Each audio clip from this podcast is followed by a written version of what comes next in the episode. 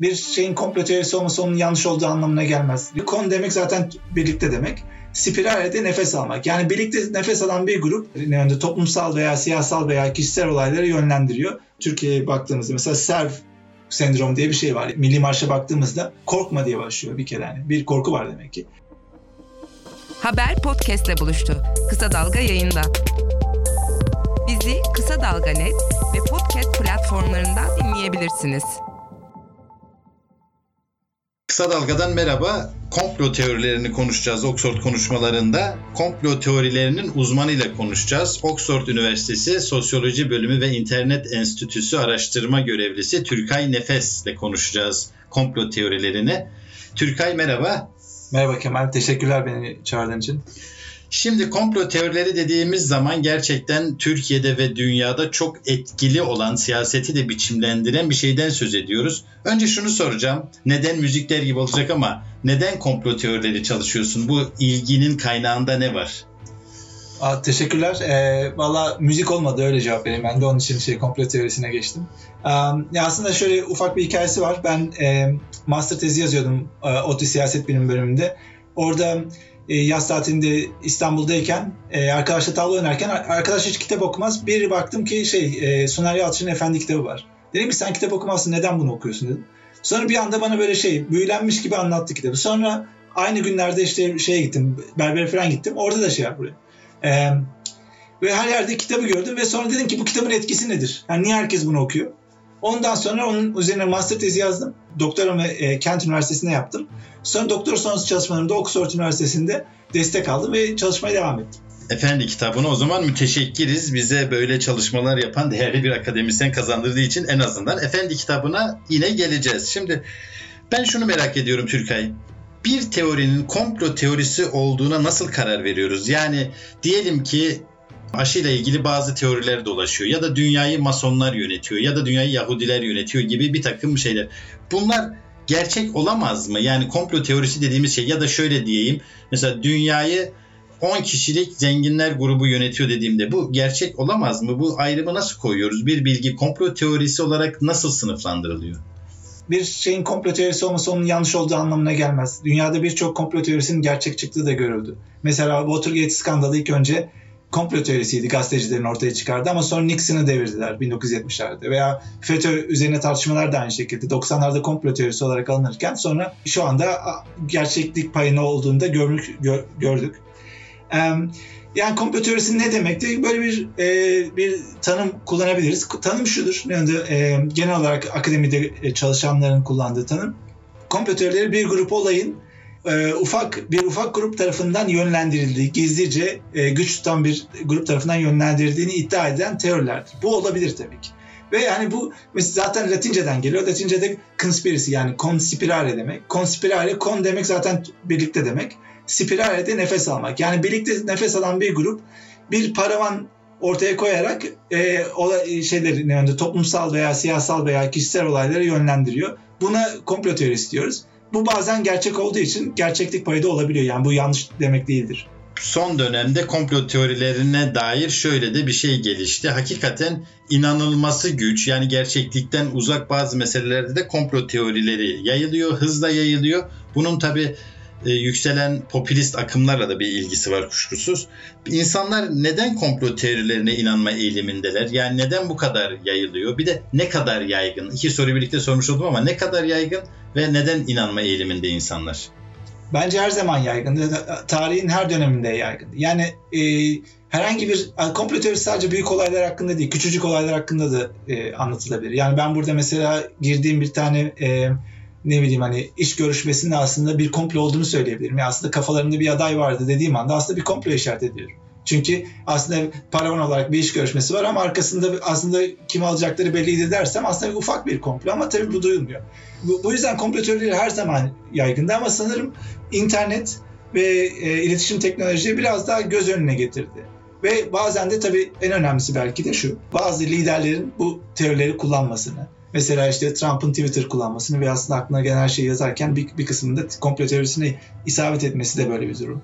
Dolayısıyla bunların daha çok görünür ve dolaşıma çıktığını görüyoruz. E, dolayısıyla yani bu yüzden yaygın bence. Yani böyle bir yaygınlık hissi olabilir. sorunun ikinci kısmında neden insanlar inanırdı? Onun birkaç yani akademik çalışmalara da baktığımızda e, genel olarak 3-4 tane sebebinden bahsedebiliriz. Toplumsal, tarihsel, siyasal ve psikolojik sebepler. Mesela toplumsal olarak bir ülkede kişi ve e, gruplar arasındaki e, e, güven azsa interpersonal group indeksi vardır. İndekste e, düşük çıkarsa orada komplo teorisi olması e, mümkündür ve daha daha yaygın olması doğaldır. Mesela Türkiye bu şey bu indekslerde genelde e, çok düşük yerlerde yer alıyor dünya şeyde. Mesela herkesin birbirine güvendiği bir yerde komplo teorisinin yaygın olmaması da çok doğal aslında. Bu toplumsal sebep. Tarihsel olarak daha önce yaşanmış olaylar, gerçek komplolar veya kompl- başarılı komplo teorileri de insanları ikna edebilir. Mesela Türkiye'de, Türkiye'ye baktığımızda mesela Serv sendromu diye bir şey var. Yani insanlar Kurtuluş Savaşı ve sonrasında Serv Anlaşması'ndan dolayı batılı güçlerin veya başka güçlerin Türkiye'yi sürekli bir bölme peşinde olduğunu değişik dönemlerde değişik vesilelerle ortaya çıkarıyorlar. Aslında bu aslında serve olmasaydı böyle bir sendrom da belki olmayacaktı. Dolayısıyla tarihsel olayların da insanlara etkisi var. Aa bak onlar zaten bizi bölmeye çalışıyor işte ne bileyim doğuda Ermeni devleti zaten vardı işte. Hep serv haritaları gelir tarihsel tartışmada. Bu tarihsel sebep. Siyasal olarak da bir bir parti lideri eğer çıkıp komplo teorisi söylerse bu tabii ki onu güncel olarak yaygınlaştırır. Dolayısıyla yani mesela popüler bir siyasi, güçlü bir siyasi parti liderinin çıkması daha da tabii yaygınlaştı. Mesela 90'larda aslında çok güçlü olmayan siyasi figürler FETÖ üzerine komplolardan bahsederken çok etkisi yoktu. Ama işte 2000'lerde tabii bu e, şeyle e, kendi dar, darbe girişimleriyle de tabii ilişkili. Ama bir de yani e, güçlü bir taraf yani e, destekçisi çok olan bir taraf ortaya koyarsa bu komplo yaygınlaşıyorlar tabii ki. E, son olarak psikolojik olarak da değişik faktörler ortaya konuluyor çeşitli e, kişisel e, faktörler. Bunlardan iki tanesi yani çok daha e, ikna edici olanlar benim gördüğümde paranoya ve kaygı fazlası. Yani kaygı e, kaygıyla başa çıkama özelliği olan insanlar komplo teorisine daha hızlı inanabiliyorlar ve daha çok şey yapabiliyorlar, e, bağlanabiliyorlar. Şimdi tabii e, genel anlatıya yani ideolojiye ya da resmi ideolojiye diyelim toplumda egemen olan e, ya da hegemonya kuran ideolojiye karşı bir hikaye kuruluyor komplo teorilerinde. Onun anlatmadığını, onun söylemediğini ortaya çıkarma. Tabii senin dediğin popülist liderler tarafından yayılan komplo teorileri de e, var ama genel olarak böyle bir genel anlatının dışında işte medyanın yazmadığı şey diye Sev sendromu ya da Lozan işte 100 yıl sonra feshedilecek. Bunu medya yazmıyor. Ya da daha önce bor madeni üzerine çok komplo teorileri falan vardı. Peki e, burada mesela ben gazeteci olarak şunu düşünüyorum. Bu tür görüşlerle, bu tür resmi anlatının dışındaki iddialarla komplo teorileri arasındaki ilişkiler ne ve farklar ne? Yani bunu nasıl kurabiliyoruz? Komplo teorileriyle resmi ideoloji arasında tabii ki şey var. Bazen resmi ideolojinin bir parçası olabiliyor. Aslında her resmi ideolojide de normal yani şey belli içkin komplolar olabilir. Mesela bizim Milli Marş'a baktığımızda şey diye başlıyor yani aslında milli baş aslında serv sendromunun başlangıcı gibi yani şey diyor korkma diye başlıyor bir kere yani bir korku var demek ki. Sönmez bu şafaklarda üzerine aslanacak. Yani yani milli marşı şeyle ya korkma bu ülke bir daha bölünmeyecek diye başlayan bir ülkede yaşıyorsun. Dolayısıyla aslında resmi ideolojinin içsel olarak tabii yani böyle bir tehlikenin olduğunu da aslında bahsediyor yani. Bu sadece yani korkma zaten yatıştırmak için söylenen bir şey. Demek ki bir tehlike var ki yatışıyoruz. Tabii ki komplotörleri resmi ideolojiye karşı çok kullanılıyor. Çünkü zaten bunun kullanılması da doğal. Bunun sebebi çünkü bütün düzen bozuk diyorsan büyük bir şey bulman gerekiyor. Bütün düzen bozuk çünkü gofret fiyatları düşük falan yani böyle bir şeyle ikna edemezsin insanları. Zaten düzenin kokuşmuş olduğunu şey yapmak için komplotörleri çok etkin araçlar. Peki ne tür bir işlev görüyor? Yani ben bir de bu komplo teorilerini son dönem e, batıda da yaygın olan komplo teorileri çerçevesinde de ele almak istiyorum. Yani örneğin işte Brexit öncesi burada İngiltere Avrupa Birliği'nde kalırsa bilmem kaç yüz bin Türk e, İngiltere'ye gelecek e, ve buraya yerleşecek diye bir komplo teorisi vardı ve bu çok etkili olmuştu Brexit döneminde. Ya da buna benzer işte Trump eliyle sağ popülist liderler eliyle yaygınlaştırılan komplo teorileri var.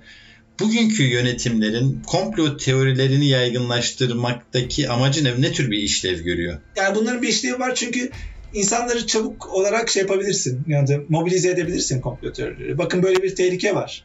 Bakın böyle bir şey oluyor diyerek.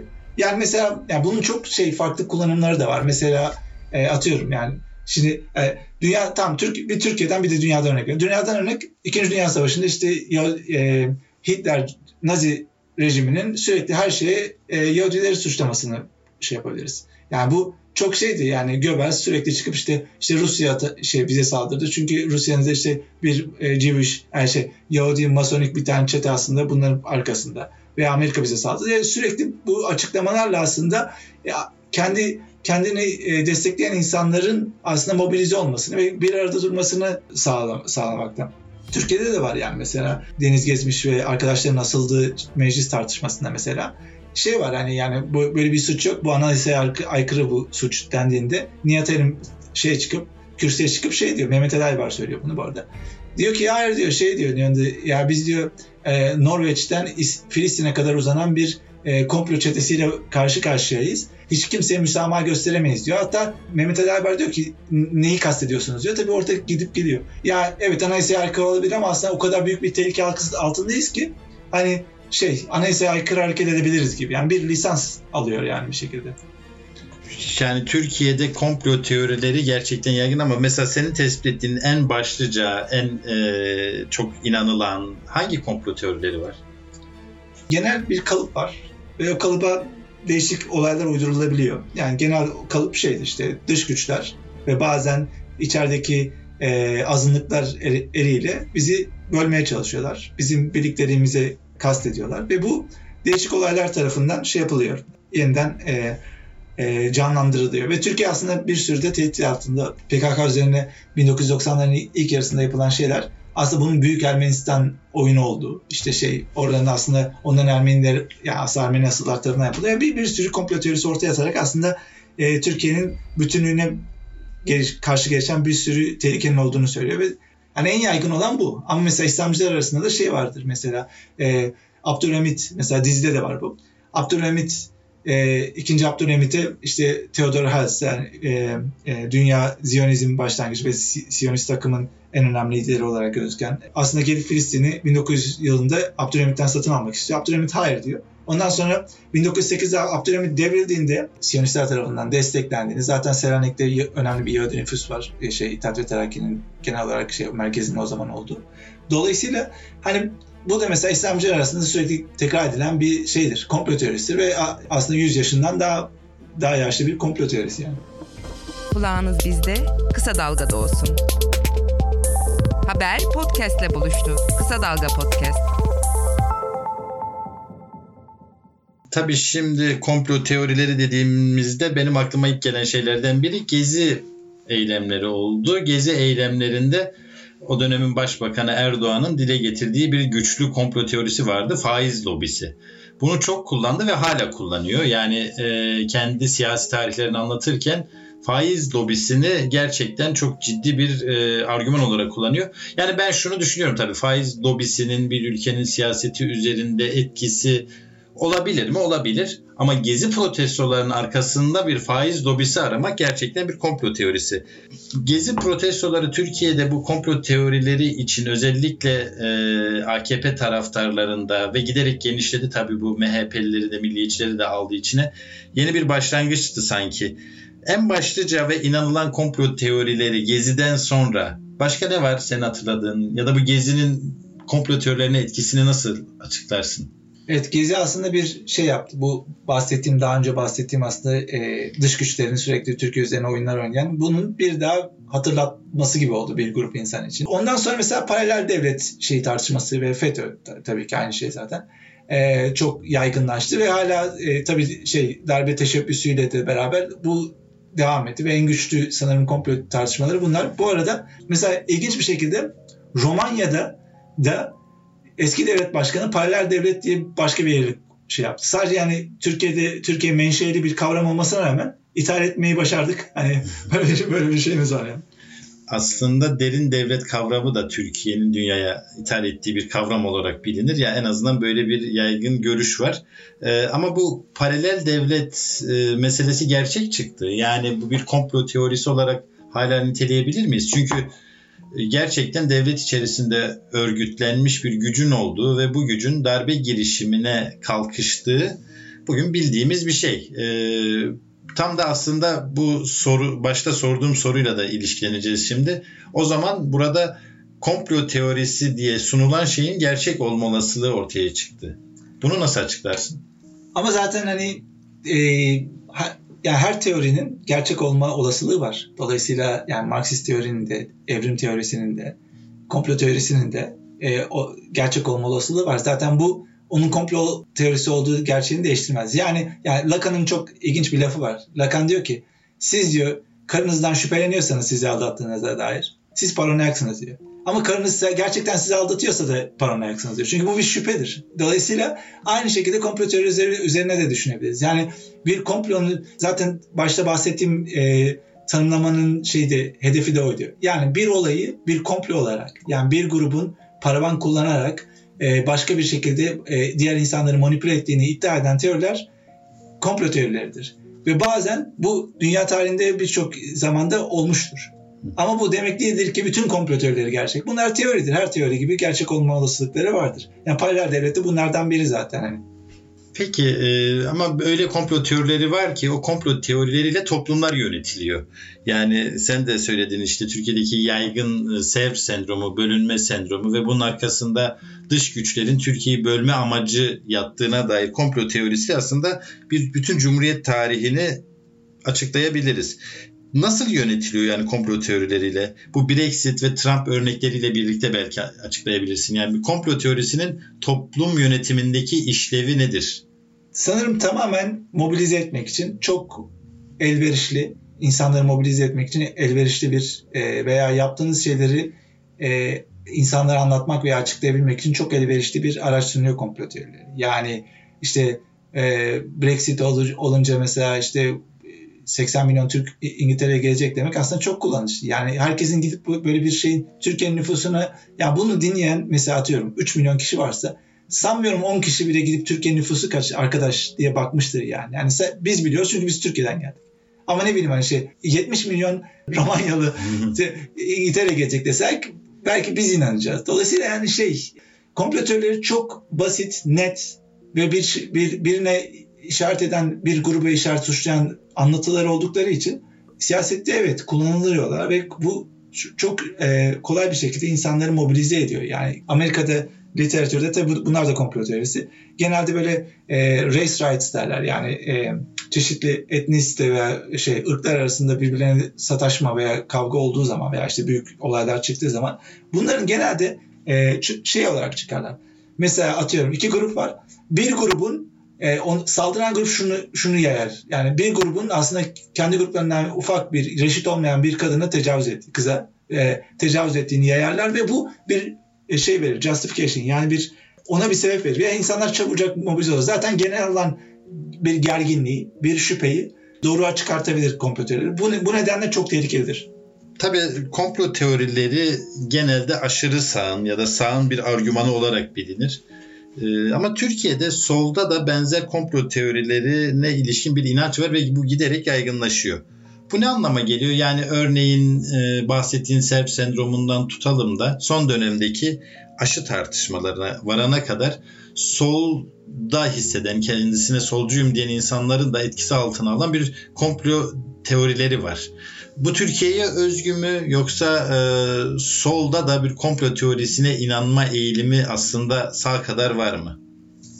Sanırım böyle bir potansiyel iki tarafta da var. E, bunun sebebi de şey yani aşırı sağ veya aşırı sol. Yani aşırı bir görüş olduğu zaman zaten ne kadar merkezden uzaksanız o kadar e, yani merkeze ters ve düzene ters e, görüşleriniz oluyor tabii bu doğal olarak. Yani düzeni değiştirmek istiyorsunuz bir şekilde. Daha çok değiştirmek istiyorsunuz merkezi partilerde.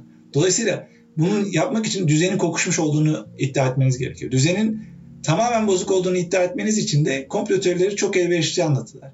Yani işte düzen 3 kişi çalışıyor. İşte Rockefeller bunun arkasında. Veya herhangi bir şey ne bileyim hani bilmem ne ailesi şunu yönetiyor falan diyerek aslında. Ve dolayısıyla bu aşırı uçlarda kullanılıyor.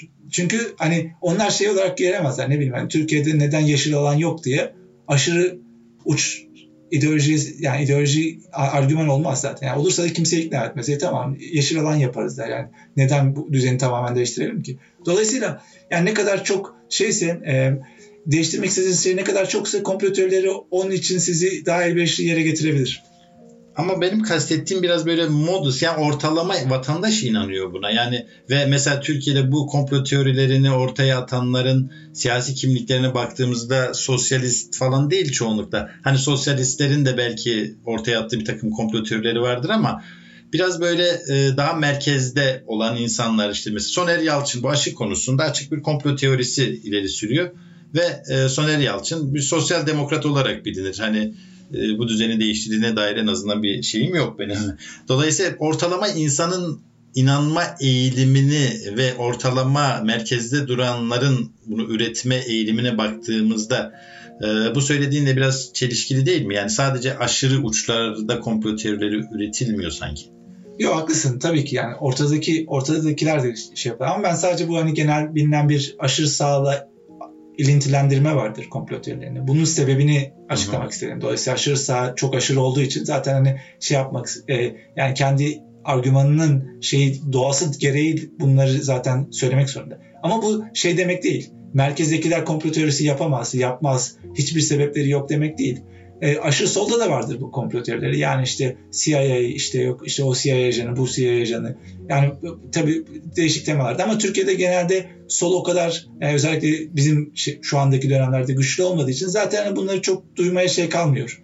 Daha çok sağ tandanslı komplo teorileri dinliyoruz. Yani işte e, mesela Abdülhamit şey dizisini izledim mi yarısı komplo teorisi zaten. Yani ben çok izlemiyorum da hani şey arada şey böyle e, konuşmalarda göstermek için ufak klipler alıyorum. Orada baktığımda tamamen bütün o İslamcı kökenden gelen bütün komplo teorilerinin neredeyse güncelleştirildiğini görüyorum yani.